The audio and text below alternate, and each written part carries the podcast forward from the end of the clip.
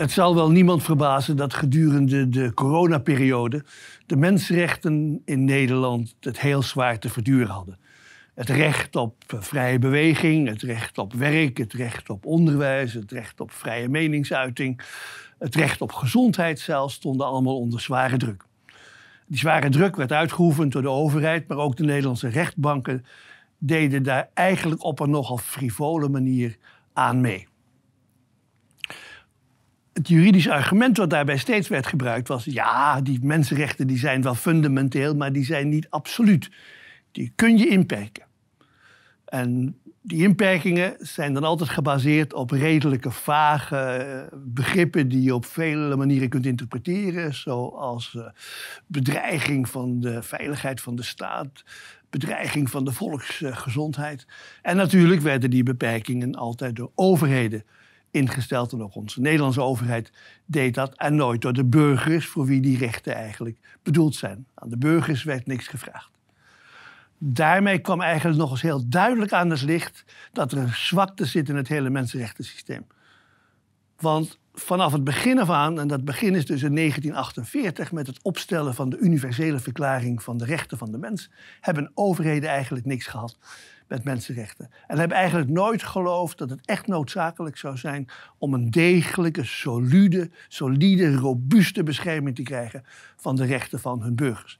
En eigenlijk van het begin af aan hebben overheden dus geprobeerd om allerlei beperkende maatregelen in te stellen die zij naar, eh, naar willekeur konden interpreteren. Nu is het interessant dat in het internationaal recht er een uitzondering is.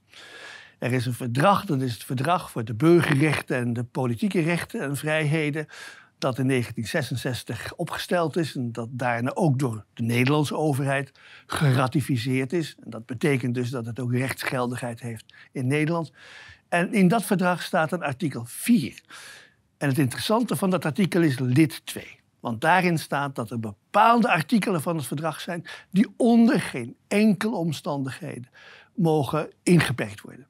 En een van de artikelen waar dat onder meer op, op gericht is, is artikel 18. Artikel 18 is het artikel dat de vrijheid van denken beschermt. En die vrijheid van denken wordt dus in dat verdrag echt absoluut beschermd. Je kunt geen juridisch aardigheidje bedenken om daaraan te ontkomen.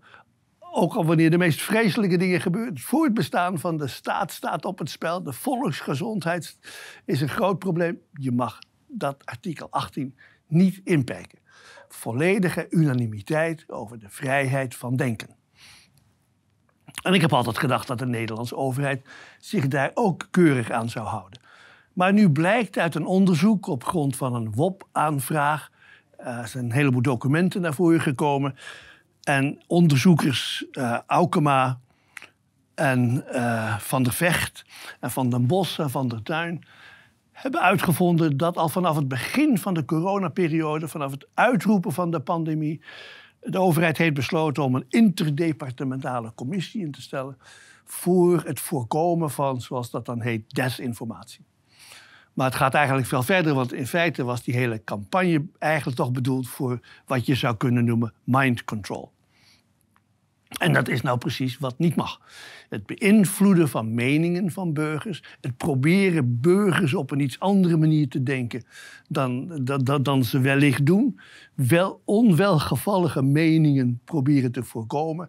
En mensen allemaal een beetje in dezelfde richting, in de richting van het dominante narratief te dwingen. Dat mag dus niet, want het artikel 18 is wel bewust al in de Universele Verklaring van de Rechten van de Mens opgenomen in 1948, als reactie op de grootschalige hersenspoelingsactiviteiten van de fascistische regimes gedurende de Tweede Wereldoorlog. Beïnvloeding van denken mag dus niet.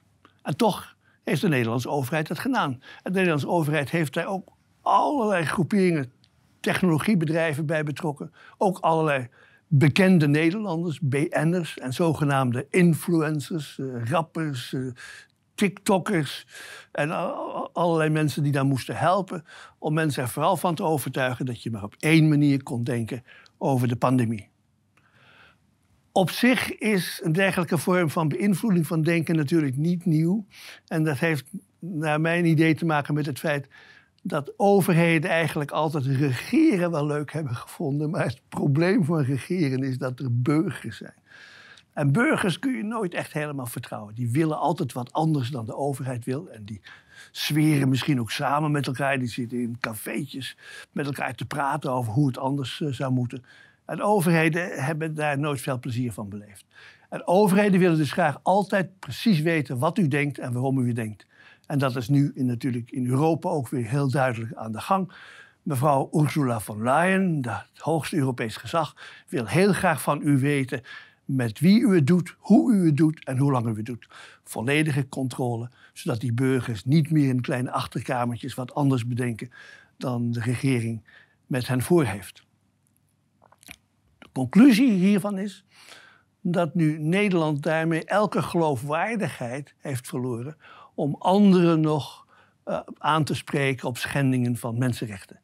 Wij staan nu eigenlijk in het lijstje van wat je zou kunnen noemen de schurkenstaten. Lijstje dat volgens professor Noam Chomsky wordt aangevoerd door de Verenigde Staten. Een land dat heel graag anderen beschuldigt van hetgeen dat het land zelf veelvuldig heeft gedaan.